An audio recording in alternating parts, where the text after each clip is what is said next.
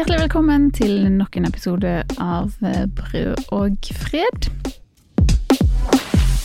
Denne uken eh, skal vi til eh, vårt naboland. Ditt favorittland, eller i hvert fall ditt andre hjem, Ellen. Sverige. Ja, mm, absolutt. Du har liksom merket deg to viktige ting i Sverige. Det ene handler om sex, det andre handler om Nato. Og vi får begynne med Vi begynner med Nato. NATO ja.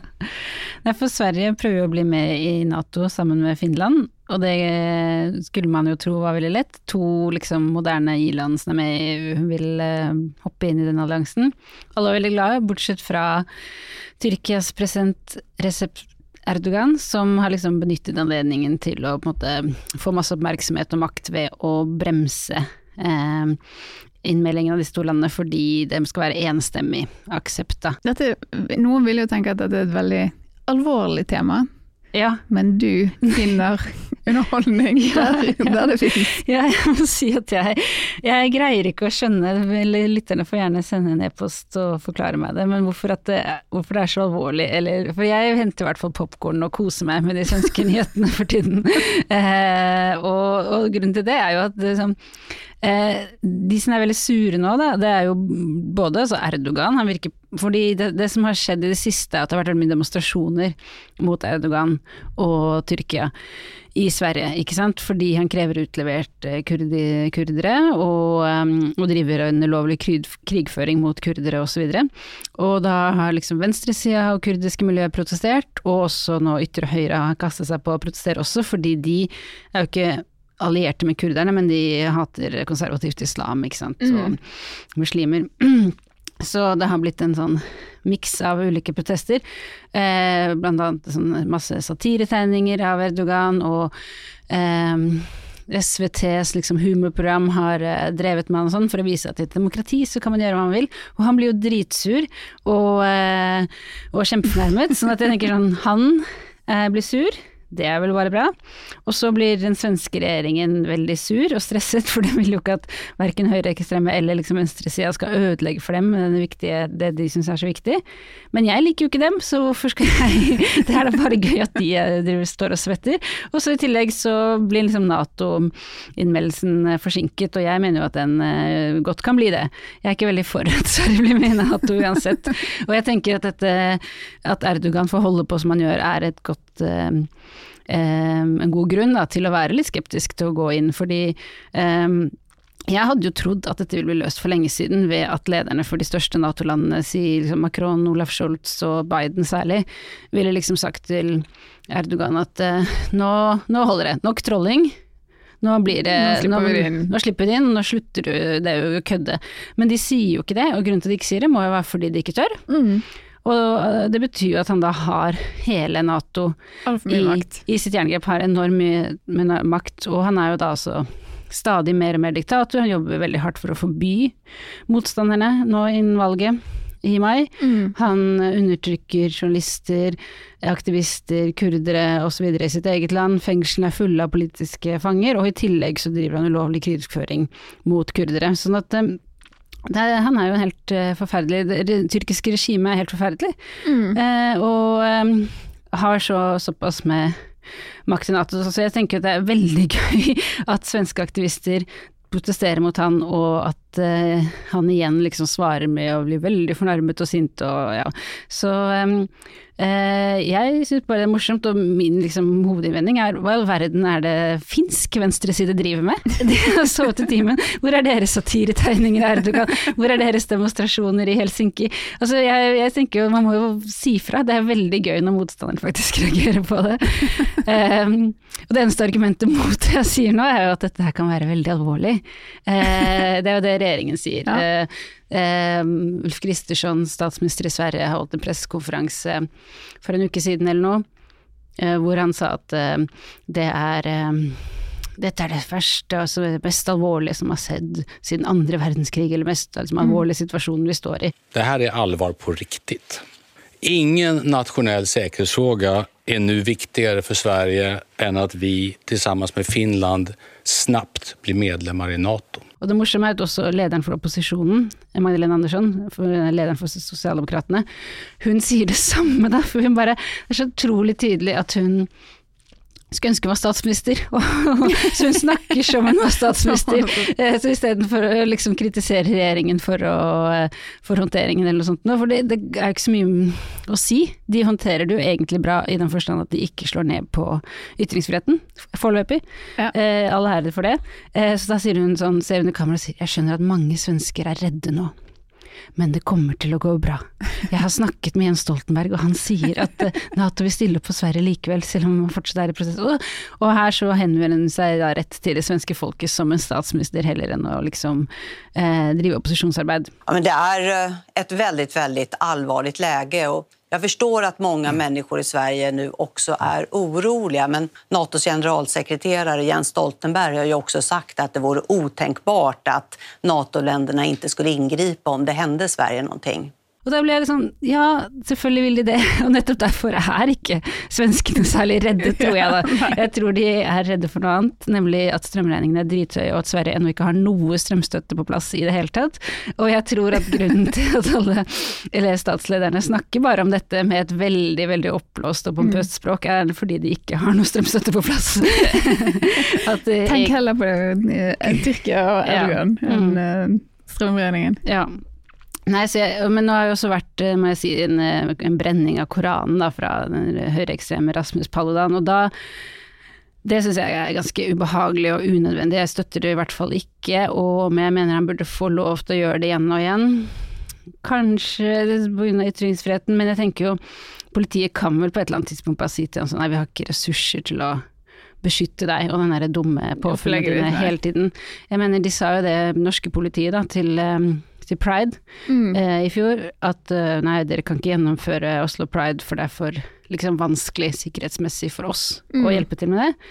Da syns jeg de kan si det samme til han snart. Mm. Eh, men at venstresida og satiretegnere tegnere og komikere og alt mulig driver med Erdogan. altså det er bare, bare gøy og, og, på sin plass. Og og mer av det, tenker jeg.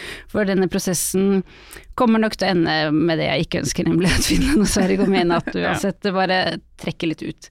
Eh, og eh, jeg håper at det trekker ut med uten at liksom, uskyldige eh, folk blir liksom utlevert til Erdogans fangehull, da, som eh, han jo krever, eh, og som eh, jeg håper Sverige fortsetter å stå imot. Ja, det får vi virkelig håpe de klarer. Mm. Ferdig med dagens underholdning, over til viktige tema. Absolutt. Sex. det viktige temaet er ligging i Sverige.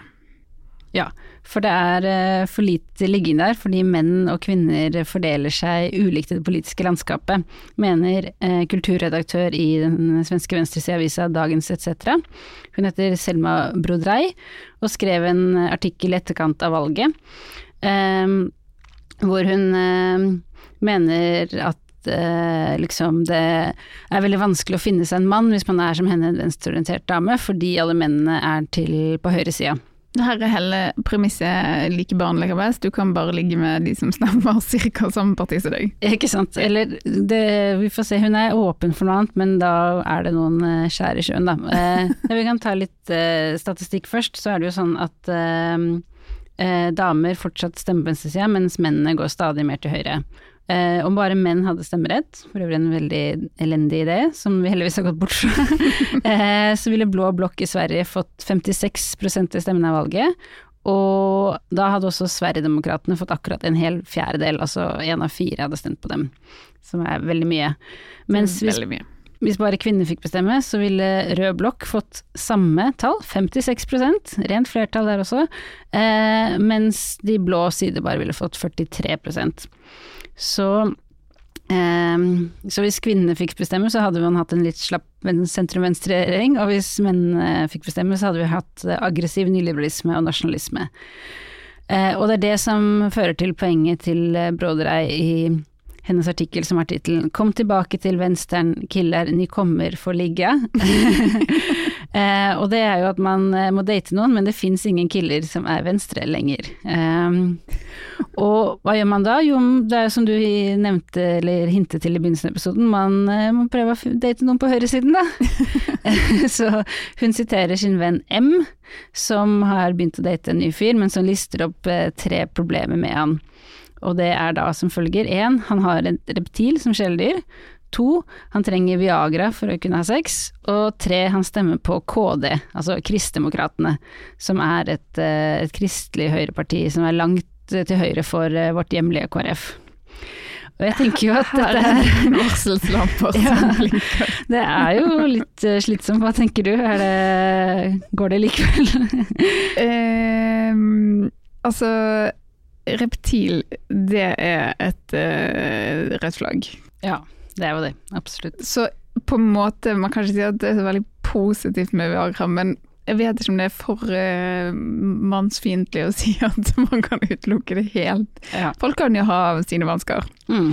Så er det Kristdemokratene det er også uh, Nei, det blir ikke ligging på meg med den mannen. Nei, jeg tror heller ikke det. Det er ehm, Nei, som, som venstredame, da, så tenker man ja, kanskje jeg skal åpne horisonten, og så hvis, det horisonten, hvis det er dette man får, så nei, kanskje ikke. Eh, særlig når også det kristenkonservative nå eh, samarbeider med ytre høyre. Mm. Så eh, Brodei sier at hun kunne ikke greie det, hun heller, men at hennes single venninne M ikke eh, føler det er noe alternativ lenger. Det er jo veldig gøy. Ja. De eneste, de eneste mennene man kan date, er sånn Viagra-reptilmenn som er kristendemokrater. Mm, ja. Eh, så, eh, men det stemmer jo at venstresida har et åpenbart problem med å appellere til mannlige velgere. Det stemmer i Norge også, og mange mm. andre steder i verden. Eh, og det har jo blitt diskutert før. Og Selma Brodei forsøker å, løse det problemet ved å trekke dette trumfkortet med å si at eh, hvis man kommer til venstresida, så får man ligge. og det høres jo for det første logisk ut, og for det andre som et godt trumfkort. Eh, ja. mm. Men jeg tenkte litt på om hun har belegg for å påstå det, altså sånn mm. bortsett fra rene tall, at det er flere damer på venstresida og tilsvarende mannetørke. Ehm, og det eh, er kanskje det beste argumentet, men jeg mener at det finnes andre også som tilsier at venstresida faktisk er best på ligging, da. Mm. Så jeg tenkte jeg skulle ta det punktvis, og jeg kaller de punktene for eh, for det første likhet, verdier og sexy stemning.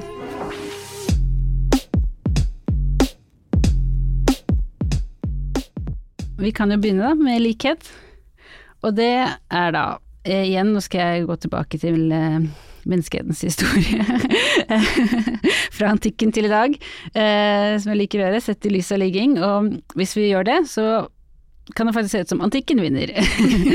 Fordi Det var mer ligging, eller bedre ligging da. jeg lurer på det, eh, fordi hvis man leser liksom gamle antikke tekster, eller ser på sånn keramikkunst alt på sånne vaser, sarkofager og sånn, Mm. så er det en veldig sånn glad og kåt stemning, eh, med hvor de har masse herlige orger etter hverandre. Og det virker som alle er bifile og har det kjempegøy. Eh, og for eksempel i drikkegildet i Aten så er det veldig mye sånn eh, eh, flørting og, og liksom korte forhold, særlig da menn som eh, holder på med menn og Men det er også sårede følelser, da, at det er ikke helt enkelt da heller. Um, Men det var kanskje lettere at de ikke hadde så veldig mye partipolitikk ennå. Ja. Det gjorde det ja, kanskje det, ikke det sant. mer, ja, ja, flere å velge, eller de trengte liksom ikke ta hensyn til det. Nei, de trengte ikke ta hensyn til om man stemte KD eller ikke. um, men etter antikken, da, så, som hadde liksom både mange guder og mange sexpartnere, så har liksom monoteismen og monogamiet tatt over. Mm. Og ikke minst uh, innføring av mye skam rundt seksualiteten, som ikke fantes da. Eh, så i gamle dager, hvis vi sier fra antikken til i dag, sånn veldig røffelig, så er det sånn at eh, sex seksualiteten har vært disiplinert, og gjerne skulle skje innenfor ekteskapet. Og selv om menn også var liksom på toppen av hierarkiet og, og kunne kjøpe sex. Men det er det jo bare en liten gruppe menn som hadde råd til både det å gifte seg og til å kjøpe sex. Mm. Så ligging ble veldig skjevfordelt mellom ulike klasser, da. Ehm, og så ligging har på en måte vært skjevfordelt lenge, og det er det incels i dag også klager på. At liksom noen menn har vært liksom sånne, sånn chads og får veldig mange da, Mm. damer, mens andre menn liksom får ingen. Og det har jo da det er jo ikke et nytt fenomen. Det har uh, vært uh, skjevfordelt uh, egentlig alltid. Eh, og det er jo det også incels klager på i dag, og de får det til å høres litt som et, ut som et nytt fenomen nesten, men de er jo som sure for at sånne tøffinger og kjekkaser og rike menn som chads får veldig mange damer, og andre får liksom ingen, da. Og eh, det fører også til at liksom bare noen menn får, eh, får mulighet til å få barn. Eh, en del eh, er ufrivillig barnløse, og, eller i hvert fall barnløse. Det er litt vanskelig å måle den der ufrivilligheten, men eh, dette har eh, Mimir og Marsdal snakket litt om i sin pod, og vi kan egentlig høre hva Mimir sa om det.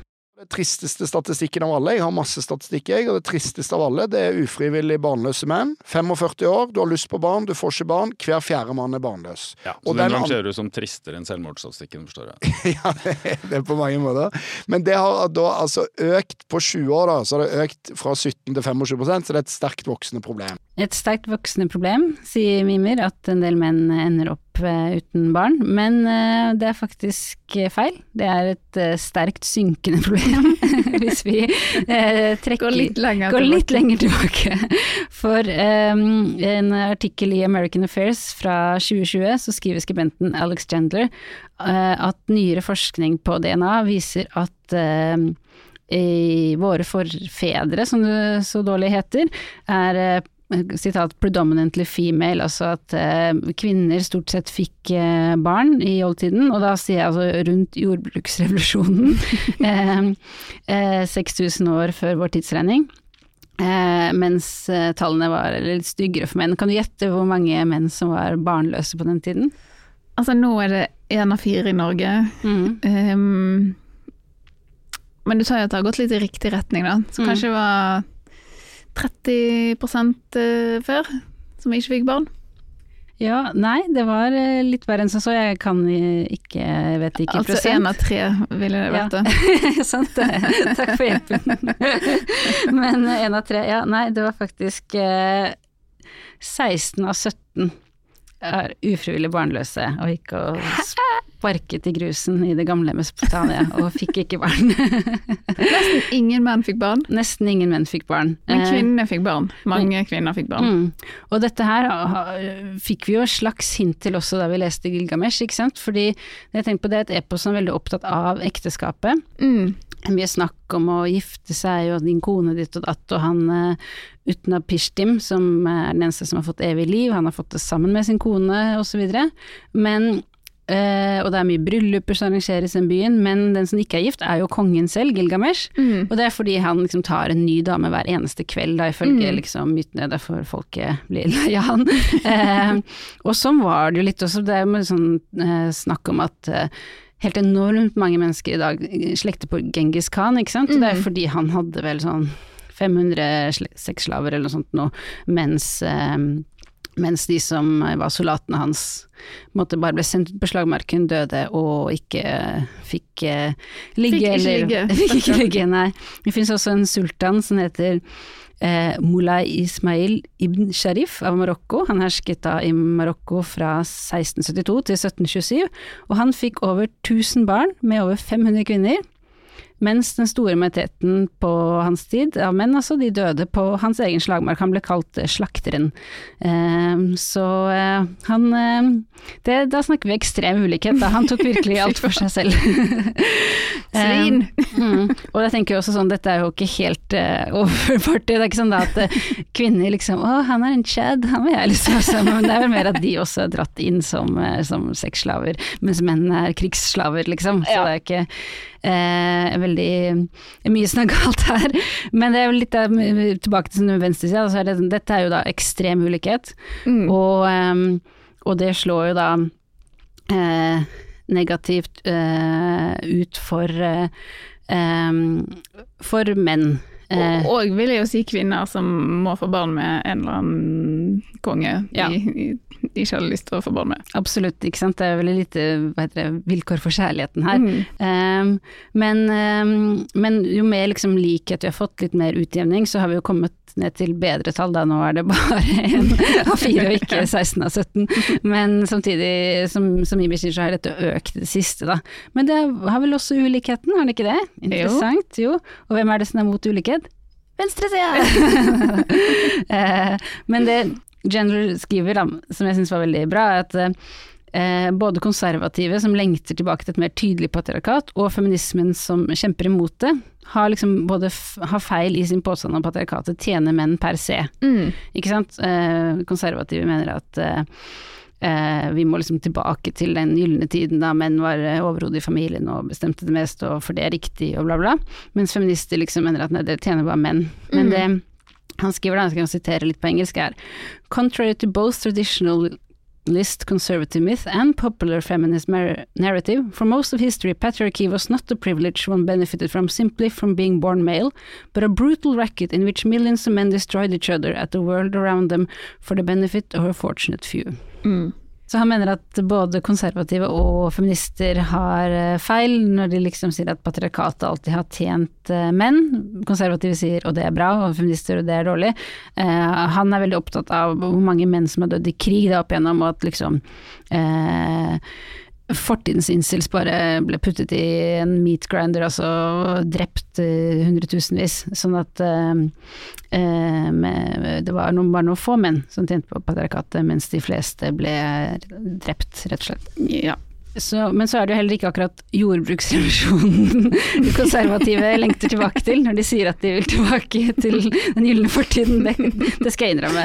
Det hadde vært morsomt hvis noen var sånn ekte konservative. Eh, selv om sånne folk som driver med sånn steinaldermat, det er jo inn for tiden. De er jo sånn De ønsker seg tilbake til dit, ja. pre-jordbruksrevolusjonen. Eh, Tror du de får ligge mye? jeg vet ikke. Kanskje ikke. Men det som man lengter tilbake til, da, eh, disse konservative, er jo de gylne etterkrigsårene i andre halvdel av forrige århundre. For da var liksom ratioen eh, hvor man, mange får liksom reprodusere selv fordelt på kjønn på sitt likeste. Mm.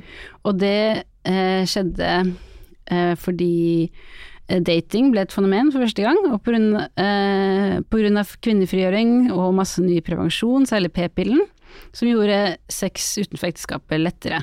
Så det, det er en av grunnene til at det var liksom etterkrigstiden med ligging, det var liksom rett og slett eh, mulig å gjøre det tryggere enn før. Mm. Eh, men også fordi ekteskap og forhold ble tilgjengeliggjort for mange flere ved at man reduserte ulikheten, sånn at liksom man kunne ha en helt vanlig jobb, dette har vi hørt før, sånn jobbe på fabrikken, helt vanlig skift, eh, union job, eh, og så kunne man da forsørge en hel familie med det, ikke sant. Det var ikke sånn at eh, lønningene var så dumpet, og ja, selv arbeiderklassen levde godt da, og ble en del av en slags gigantisk middelklasse. Og da har man også mulighet til å liksom gifte seg mye mer, fordi det er Hvis du måtte hele tiden jobber til alle døgnets tider, må liksom skrape sammen nok penger, blir utnyttet, kanskje bor på brakke med åtte andre menn, så er det vanskelig å liksom gifte seg, slå seg ned, Mhm. eh, og så videre. Ja, det tror jeg jo gjelder ennå, at, måte, at eh, jeg tror jo for både menn og kvinner at det, eh, man, man ser på det som eh, attraktivt å på en måte ikke nødvendigvis være rik eller sånn, noen gjør jo definitivt det, men altså at man er økonomisk selvstendig, da. Eh, det er jo mer attraktivt enn å kanskje ikke være det. Og det er ikke en rettferdig vurdering, for folk kan jo ikke alltid for om de har en jobb eller ikke, og sånne ting. Men Mm. det vil jo hjelpe på å kunne forsørge seg selv. Ja, akkurat. Helt enig. Mm. Det, det er noe med at uh, hvis man eh, Si at man er en eh, helt vanlig arbeider da, som jobber i bygg og anlegg. Hvis man da har liksom full, fast jobb med gode rettigheter fra en stor entreprenør, så er det mye lettere eller Man er rett og slett mer attraktiv for datingmarkedet enn når man liksom blir liksom bosset rundt av en eh, Av en eh, app. Av en app, ja. Og Og må ikke er tolv tilgjengelig. timer i Ja, ikke sant. Og blir utnyttet og tjener nesten ingenting og, Mm. eh, og så videre. Nei, det er brutalt, men sant.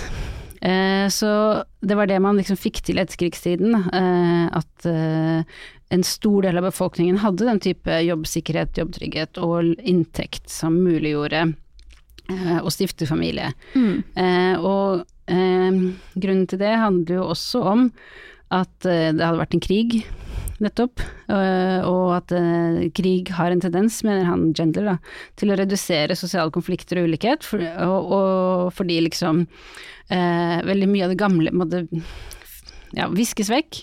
Eh, man begynner litt på, på, nytt, og så var det i tillegg eh, kommunisme eh, i Sovjetunionen som et reelt alternativt system, som Vesten måtte, måtte konkurrere overfor egen befolkning. Mm. Og det gjorde de jo ved liksom den voldsomme ja, forbruksveksten og muliggjøringen av eh, gode liv for folk. Men da muren falt og nyliberalismen fikk stadig større gjennomslag, så økte ulikheten igjen. Og med det så fikk jeg også flere vinnere og tapere, både økonomisk og på kjønnsmarkedet. Mm. Og jeg kan sitere han Gender igjen. Han skriver And now, as globalization and neoliberalism sweep away the last vestiges of economic security, marriage, which was always been men's most reliable pathway out of celibacy, is increasingly becoming an upper class luxury. Mm. Mm.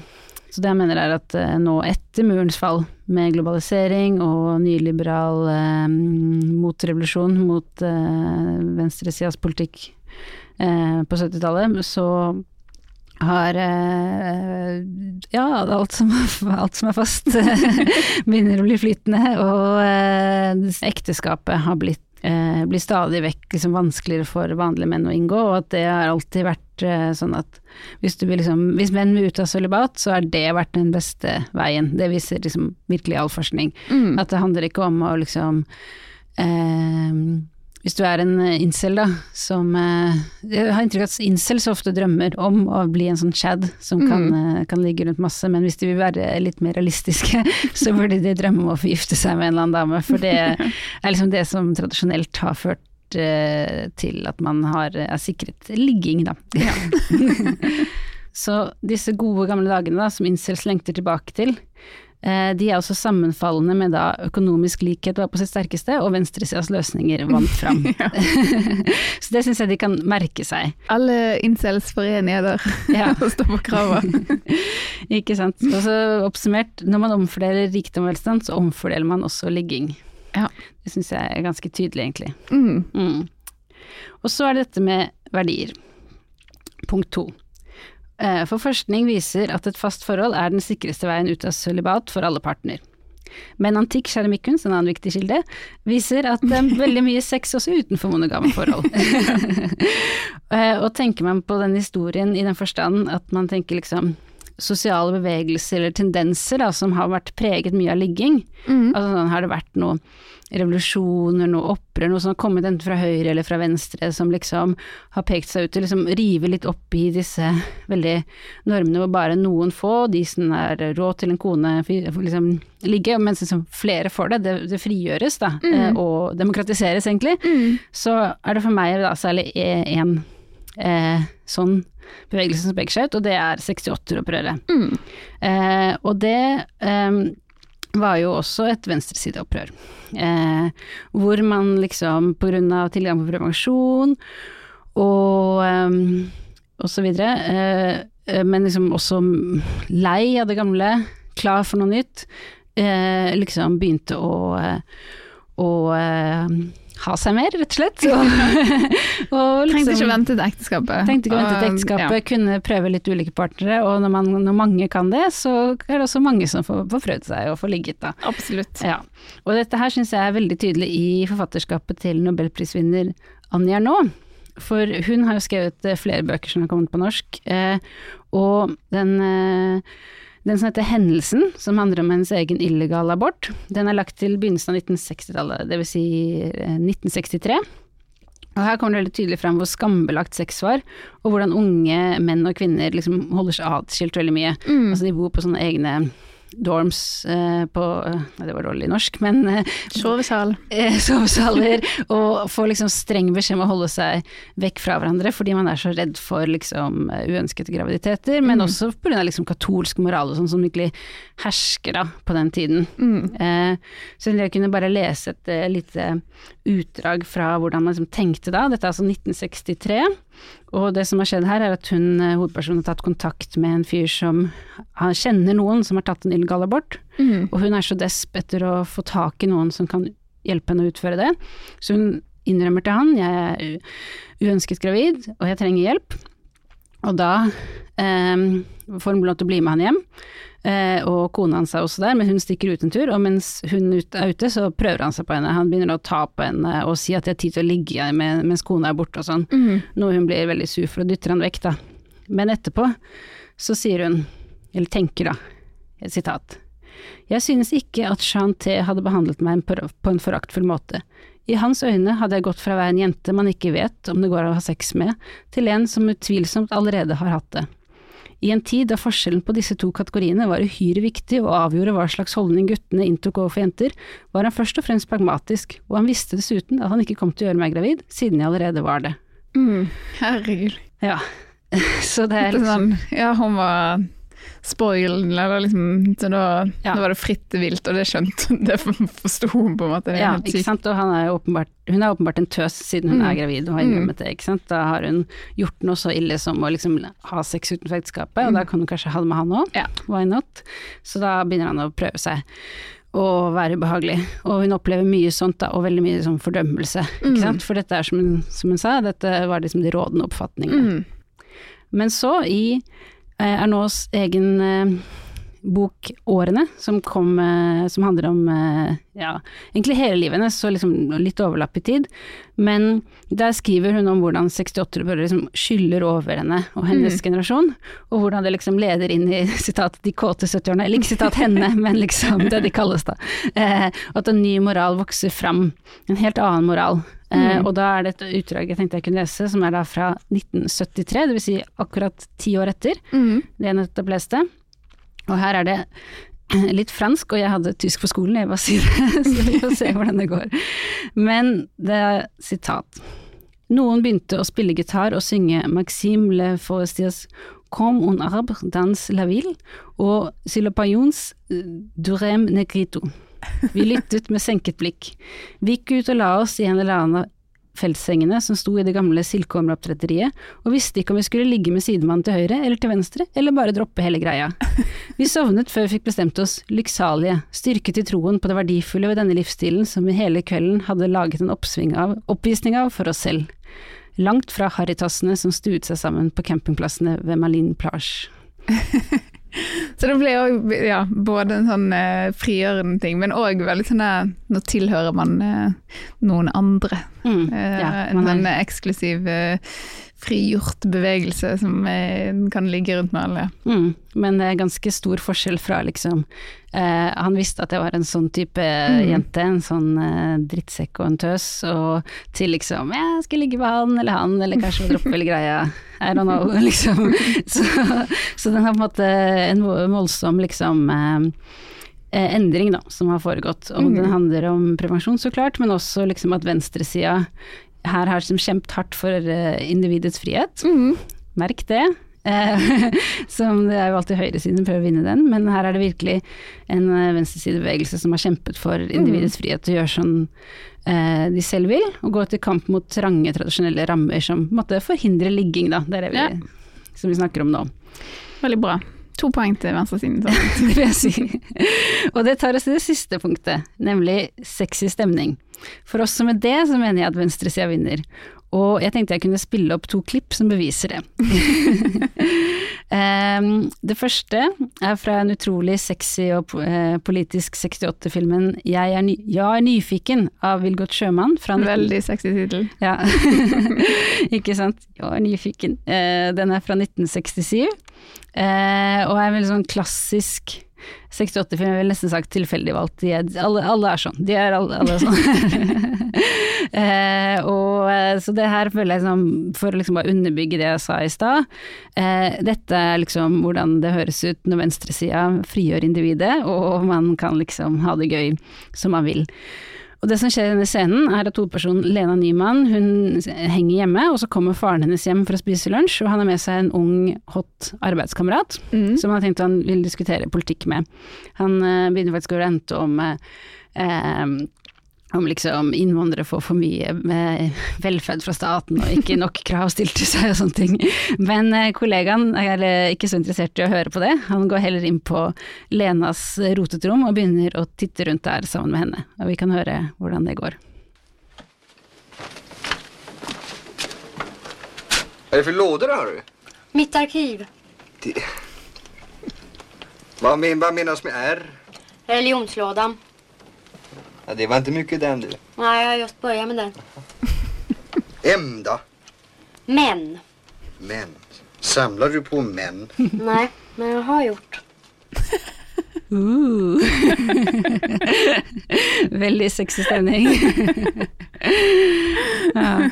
Her har man også, kan man um, samle på menn. Eh, noen få Som en år- veldig ung, uh, ung dame. Ja, som en veldig ung dame. Uh, sånn uh, Ferdig med det.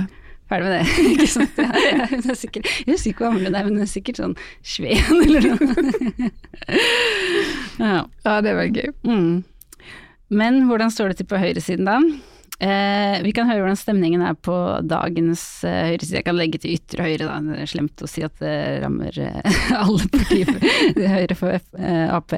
Men eh, dette syns jeg er et veldig representativt klipp fra liksom eh, ytre høyre i dag, da, som prøver å være sexy og kule. Og det er da det som i 2018 var lederen for Sverigedemokraterna i Växjö, som er Mhm. Sveriges 19. største by. Han heter Nils Sjøkvist Akselsson. Eh, og han er sikkert statssekretær i dag. Nei da, det, er, tror jeg, det, er, det er han kanskje ikke. Så det har jo en tendens til å ha nulltoleranse for folk som blir, blir tatt for å være nazister. det er greit hvis de greier å skjule det, men uh, ja. Hvis de filmer det, da går det dårlig. Da går det dårlig, ja. Uh, men han har da, han Akselson har da dratt til et gammel og litt, litt sliten borg sammen med et filmteam, for å gi oss eh, litt feeling på hvor kult det er på høyresida for tiden. Så vi kan høre det. We, the Northern Brothers, we, the normal people, we have come to Earth, to Sweden, to the North, to defend what is equally ours, what our ancestors have left for us. But the beta leftists, they're destroying it all. we have to conquer what is going to be lost otherwise. Det eneste grunnen til at han ikke får ligge det, er pga. beta-lestis. Helt sikkert. Jeg liker også at han begynner med 'the normal people'. Jeg er ikke veldig Det er utrolig høy sjanse for at han her eier en reptil. Mm, det er det faktisk. ja, ja. Eh, men dette er kanskje også et viktig budskap for ham, men eh, veldig sexy, det er det ikke, syns jeg. Nei. så jeg skjønner jo hvorfor han står alene og brøler for denne borgen, og hvorfor det ikke er så veldig mange damer med i denne bevegelsen. Det For det er jo også eh, sant, at der det er mannetørke på venstresiden, så er det jo også dametørke på høyresiden. Mm. Eh, så det er veldig få, mye færre damer med i Sverigedemokraterna enn det er menn. eh. Og det er jo sikkert bare hele forklaringen på sånn eh, incels, som jeg føler er veldig sterk overlapp med sånn eh, ytre høyre-greier. At det er sånn, du har bare valgt i feil miljø, og der er det for få damer. Men ikke for få damer generelt. Nei, det er vel Dere bare har eh, valgt den minst attraktive gruppen å henge med. Ja. Der det er absolutt færrest damer som er interessert. Ikke sant. Det burde man jo egentlig eh, skjønne, at det er, eh, det er jo Mm. ca. halvparten av hvert kjønn. ja, så jeg tror du, du har rett, og hun eh, Selma Brodei har rett, i at eh, menn får ligge mer om de kommer tilbake til venstresida. Den er Jeg føler vi har bevist at den er best på ligging. Og eh, både når det gjelder liksom å stifte familie, for da er vi kjemper for likhet. Den beste forutsetning, den viktigste forutsetningen for det. Og så kan vi også være åpne for å ligge utenfor ekteskapet. Det, vi har frigjort individet, og det, det går bra. Det, man kan samle på menn hvis man vil. Men spørsmålet er jo om liksom disse mennene orker um, Orker det som kommer med på lasset, da, ved å komme tilbake til venstresida. Det- For det vil jo være å, å delta i det som foreløpig er en kvinnedominert side av politikken, og det vil jo også innebære å ta kvinner på alvor, lytte til dem og se på dem som likeverdige kamerater. Mm. Så det er på en måte nissen på lasset som, eh, som menn eh, får tåle, da. Det er definitivt ja, Det er jo en stor anstrengelse. Men prisen er òg kanskje Altså, det er nok verdt å betale for det premien er så bra.